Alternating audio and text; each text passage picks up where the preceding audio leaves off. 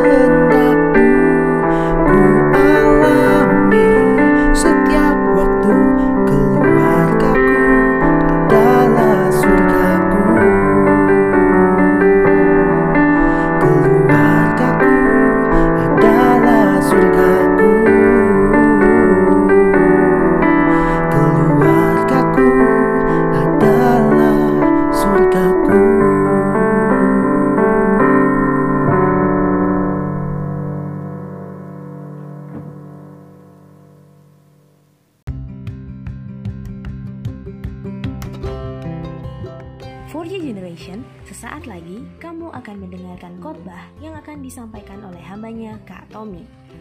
Selamat mendengarkan. Senang kita dapat bertemu kembali di dalam ibadah For God Generation. Walaupun pada saat ini kita belum dapat bersama-sama berkumpul di gereja untuk ibadah, tetapi kiranya kasih setia Tuhan tetap kita rasakan dan sebelum kita merenungkan satu kebenaran dari firman Tuhan, mari Kak Tommy ajak kita untuk sama-sama berdoa. Ya Tuhan Allah Bapa kami, kiranya Engkau terus mengaruniakan kasih setiamu di dalam kehidupan kami, dan biarlah itu yang menjadi kekuatan di tengah-tengah segala kesulitan yang kami alami, dan terutama Tuhan untuk anak-anak muda di tempat ini yang sebentar lagi akan merenungkan kebenaran firman-Mu, Engkau bukakan hati mereka, Engkau jadikan hati mereka menjadi tanah yang subur, dan biarlah mereka memiliki panduan yang kokoh untuk dapat menjalani kehidupan ini dengan cara yang baik, cara yang berkenan kepadamu, memuliakan namamu dan menjadi berkat bagi sesama. Terima kasih Tuhan, kiranya Engkau yang hadir di tengah-tengah kami dan memberikan kami hikmat serta kekuatan melalui renungan pada malam hari ini. Amin. Firman Tuhan yang akan kita pelajari, Kak Tommy ambil dari Injil Matius pasal yang ke-7 ayat ke-12. Injil Matius pasal yang ke-7 ayat 12. Demikian firman Tuhan, Segala sesuatu yang kamu kehendaki supaya orang perbuat kepadamu, perbuatlah demikian juga kepada mereka. Itulah isi seluruh hukum Taurat dan kitab para nabi. Amin. Baru-baru ini ada sebuah film pendek yang viral dan kalian mungkin sudah menontonnya, yaitu Tilik. Kekuatan film ini ada pada tokoh utamanya, Butejo namanya. Waktu kita menontonnya, pasti kita akan dibuat gemas sama kelakuan Butejo ini. Udah cerewet, maunya menang sendiri, kalau dalam bahasa sekarang nyinyir, suka mengumbar keburukan orang lain, dan sebagainya. Pokoknya, benar-benar Butejo ini orang yang menyebalkan. Meminjam istilah zaman sekarang, Butejo itu bisa dibilang sebagai orang yang toksik yaitu orang yang menyebarkan pengaruh negatif pada orang di sekitarnya. Atau dalam pendapat lain, orang yang selalu menyusahkan dan merugikan orang lain, baik secara fisik maupun emosi. Kita tentu tidak betah punya teman yang toksik, apalagi pacar yang toksik. Tetapi itu semua tidak ada apa-apanya dibanding memiliki suasana toksik di lingkungan keluarga kita. Kalau teman masih bisa kita hindari. Pacar, kasarnya, masih bisa kita putuskan. Dan memang kalau ada kekurang cocokan yang tidak bisa diselesaikan, sebaiknya jangan lanjut ke jenjang pernikahan. Tetapi bagaimana kalau ada di keluarga? Jika kita membuka mata terhadap apa yang terjadi di keluarga-keluarga Kristen pada saat ini, bahkan mungkin termasuk di dalam keluarga kita, fenomena orang yang toksik ini pun banyak dijumpai. Itu akan sangat mempengaruhi hidup anggota keluarga, Akibatnya, banyak yang tumbuh dalam kepahitan, tidak memiliki rasa nyaman di keluarga, sehingga mencari-cari rasa nyaman di tempat lain yang tidak sesuai dengan perintah Tuhan. Tidak jarang pula, seorang anak yang dibesarkan dalam keluarga yang taksik juga akhirnya menjadi anak yang taksik pula di lingkungannya. Salah satu contohnya, dulu waktu sekolah, Katomi punya teman yang dikenal nakal. Teman-temannya tidak ada yang mau bergaul sama dia ya kecuali orang yang sama-sama taksik. Setelah Kak Tommy belajar tentang psikologi, konseling, dan pelayanan bagi para remaja, ternyata memang ada pengaruh dari keluarga dia. Kak Tommy ingat, karena dekat dengan dia ya, bukan karena sama-sama toksik, papanya itu sangat keras dengan dia. Kalau marah ngomongnya kasar dan tidak segan memukul. Di rumah sering disalahkan oleh papanya, akhirnya di luar pun dia memakai standar papanya ketika berinteraksi dengan orang lain. Nah, pada renungan kali ini, mari kita belajar sama-sama. Keluarga adalah ikatan emosi yang paling awal yang kita dapatkan sebagai manusia. Dan di dalam keluarga ini, hubungannya juga akan berlangsung lama, mungkin akan berlangsung seumur hidup kita. Jika dalam keluarga ada budaya toksik, bahkan sampai keluarga pecah, itu akan sangat membekas di dalam kehidupan kita. Jika ada anggota keluarga yang taksik atau bahkan orang tua kita memiliki kebiasaan seperti itu, tidak perlu menyalahkan keadaan. Tidak perlu juga berputus asa. Tuhan pasti ada rencana yang indah dengan itu semua.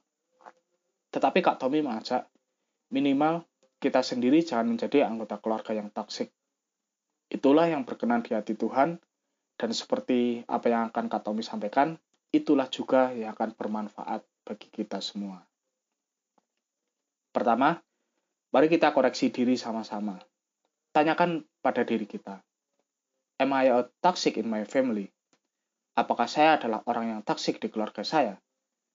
Yuk, cek kebiasaan-kebiasaan buruk yang mungkin tidak kita sadari ketika menjadi anggota di keluarga kita. Misalnya, apakah kita orangnya mau menang sendiri?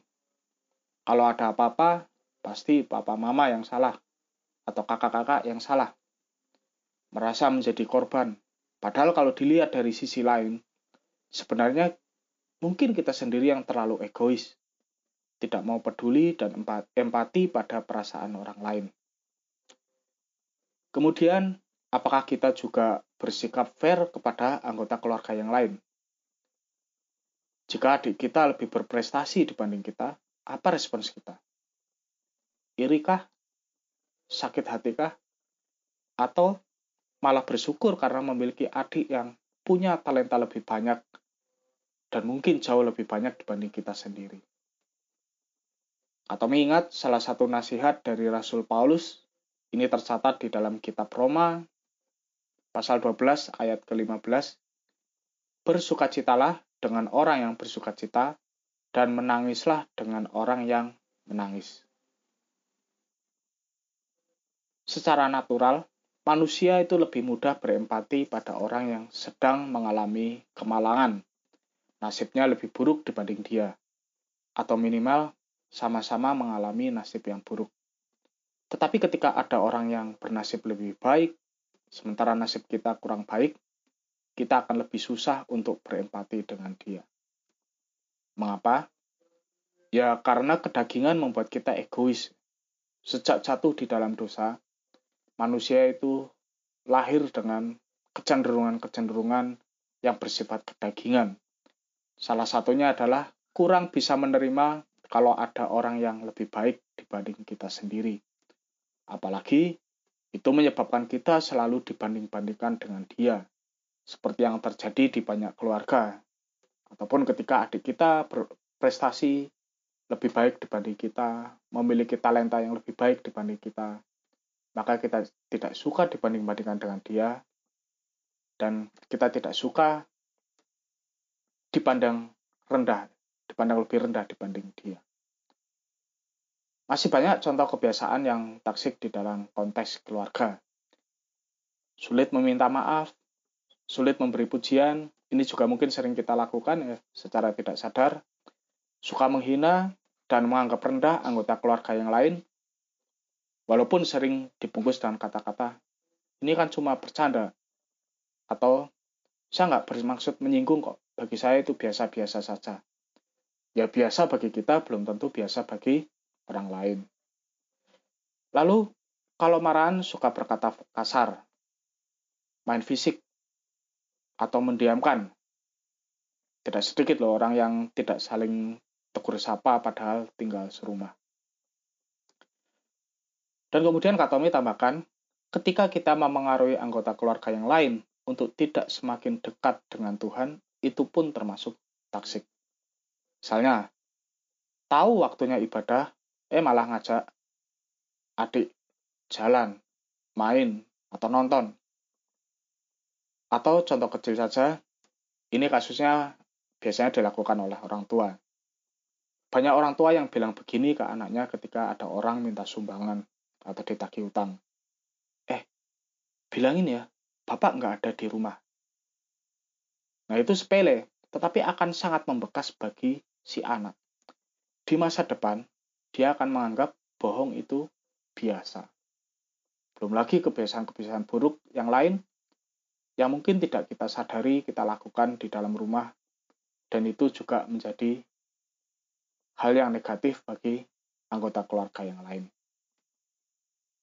Kalau kita memiliki kebiasaan-kebiasaan tersebut, berarti kita termasuk orang yang taksik. Bertobatlah.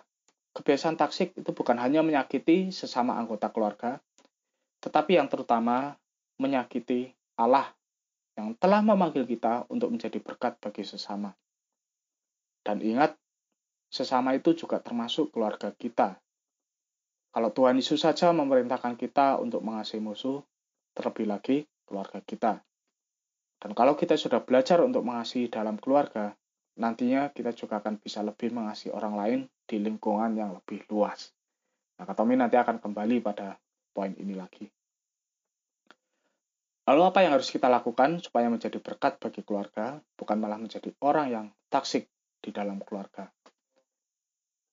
Kalau kalian mau membaca, banyak tips di luar sana. Banyak juga ayat Alkitab yang mendukung. Tetapi Kak Tommy akan menyimpulkan sebagaimana Tuhan Yesus menyembuhkan, yaitu yang tercatat di dalam Injil Matius pasal 7 ayat ke-12. Segala sesuatu yang kamu kehendaki supaya orang perbuat kepadamu, perbuatlah demikian juga kepada mereka. Itulah isi seluruh hukum Taurat dan kitab para nabi. Sederhana ya. Ya contoh kecil saja, kalau kita senang diberi pujian, ya berilah pujian pada papa, mama, atau adik kakak kita. Berterima kasihlah pada orang tua kita. Kalau mereka sakit, gantian kita yang membereskan urusan rumah. Rawat mereka, sekadar dipijit, dibelikan makanan, mereka pasti akan sangat senang. Kalau kita sakit hati ketika ditolak orang lain, ya jangan beri penolakan pada anggota keluarga yang lain. Kalau marahan, Coba komunikasi, minta maaf, jangan mendiamkan. Kalau berkata-kata, jangan kasar, jangan bercanda kelewat batas, menyinggung fisik, dan sebagainya. Ingat itu saja. Apa yang kita ingin dapatkan dari orang lain, lakukanlah itu di keluarga kita. Simple. Nah, kata Tommy mengajak, di tengah arus dunia yang semakin rusak ini, dan semakin banyaknya keluarga yang pecah, baru-baru ini saja ada pengusaha yang meninggal dan kemudian anaknya saling gugat menggugat. Mari kita kokohkan keluarga kita sendiri. Kembangkan kebiasaan-kebiasaan yang menjadi berkat. Semoga dengan cara ini kita menjadi teladan dan membuat orang-orang di keluarga kita juga bertobat. Apa yang kita lakukan menjadi berkat di dalam keluarga, lama-lama menuntun ayah kita untuk menyadari kekeliruannya mungkin di dalam mendidik anak, mungkin di dalam bersikap kepada ibu kita, dan sebagainya. Kemudian adik-adik kita juga akan memiliki teladan iman yang baik dan keluarga kita bisa menjadi teladan bagi keluarga yang lain di gereja. Nah, jadi kalau di dalam keluarga kita memiliki mengembangkan kebiasaan-kebiasaan yang baik, yang penuh berkat, bukannya kebiasaan yang toksik ya, maka keluarga kita juga lama-lama akan menjadi keluarga yang sehat, kokoh ya, utuh. Dan keluarga yang seperti itu juga akan menjadi berkat bagi gereja di mana kita tinggal. Jadi kalau keluarga kokoh, gereja juga akan kokoh. Dan nantinya di lingkup yang lebih luas lagi, gereja juga akan menjadi berkat bagi dunia ini. Tetapi selain bermanfaat bagi keluarga, sebagai orang yang menjadi berkat itu juga banyak manfaatnya bagi diri kita sendiri. Terbiasa menjadi berkat di dalam keluarga akan membuat kita terbiasa pula menjadi berkat di lingkungan yang lebih luas. Jadi, secara tidak sadar, apa yang kita lakukan di dalam keluarga itu juga akan muncul ketika kita berinteraksi dengan orang lain. Juga itu yang akan membuat kalian yang saat ini belum berkeluarga, apalagi belum punya pacar ya, untuk mengembangkan kebiasaan-kebiasaan baik dengan pasangan dan juga akan membentuk keluarga kalian menjadi keluarga yang sehat. Ketika Tuhan Yesus bertumbuh dewasa, mungkin seumuran kalian, Lukas mencatat di dalam Injil Lukas pasal kedua ayat ke-52, dan Yesus makin bertambah besar dan bertambah hikmatnya dan besarnya dan makin dikasih oleh Allah dan manusia. Karena Yesus bukan orang yang taksik, dia dikasih orang-orang di sekitarnya dan terutama dia juga dikasih oleh Allah sendiri. Demikian pula dengan kita, jika kita tidak menjadi orang yang taksik di dalam keluarga, maka orang-orang di dalam keluarga kita, entah itu orang tua atau saudara-saudara kita, itu juga akan bersyukur mengenal kita, dan terutama juga yang lebih penting lagi adalah Tuhan juga berkenan pada hidup kita. Jadi, marilah kita renungkan sekali lagi. Apakah kita masih memiliki kebiasaan-kebiasaan toksik? Tanyakan kepada orang tua atau saudara-saudara kita. Jika ada, bertobat. Minta roh kudus kuatkan kita untuk berubah. Dan kiranya kita menjadi berkat di dalam keluarga kita. Amin. Mari kita tutup ibadah ini dengan doa. Ya Tuhan, Allah Bapa kami, terima kasih atas apa yang telah Engkau berikan kepada kami, terutama kebenaran firman-Mu. Tentulah kami untuk membuka diri jika ada kebiasaan-kebiasaan buruk, yang taksik, yang masih kami lakukan, kiranya roh kudus menguatkan kami untuk bertobat dan kemudian terus menuntun kami untuk mengembangkan kebiasaan-kebiasaan yang menjadi berkat bagi keluarga kami. Jika ada di antara kami yang bergumul dan keluarga yang memiliki kebiasaan-kebiasaan taksik biarlah Engkau sendiri yang menjadi kekuatan dan penghiburan kami. Betullah kami untuk menjadi orang yang berkenan kepadamu dan menjadi berkat bagi sesama. Kami juga mendoakan untuk rekan-rekan kami di Forgat Generation ataupun anak-anak muda yang mendengarkan renungan ini, kiranya engkau sertai mereka satu persatu di tengah segala kondisi kehidupan yang mereka alami. Untuk yang sakit, engkau pulihkan. Yang sedang mengalami pergumulan, engkau kuatkan. Dan yang sedang mengalami sukacita, serta memiliki rencana-rencana untuk masa depan mereka, kiranya juga engkau yang pimpin. Berkatilah pelayanan For God Generation supaya terus membawa dampak yang positif baik di gereja maupun di lingkungan yang lebih luas. Jadilah saksi Kristus yang baik, termasuk juga di keluarga kita, dan terimalah berkat Tuhan. Kiranya kasih karunia dari Allah, Bapa kita, dan dari Tuhan Yesus Kristus, serta persekutuan dengan Roh Kudus, menyertai kita mulai saat ini sampai selama-lamanya. Amin.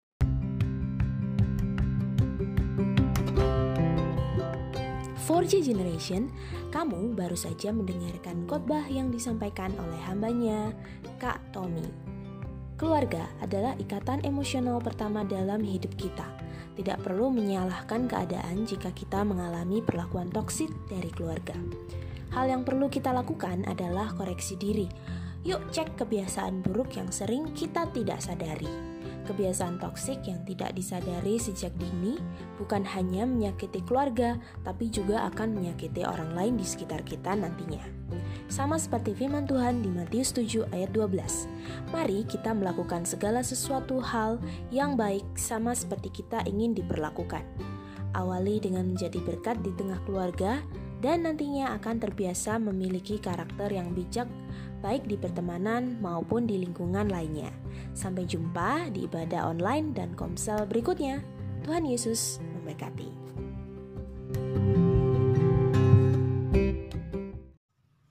For G Generation, For God Generation.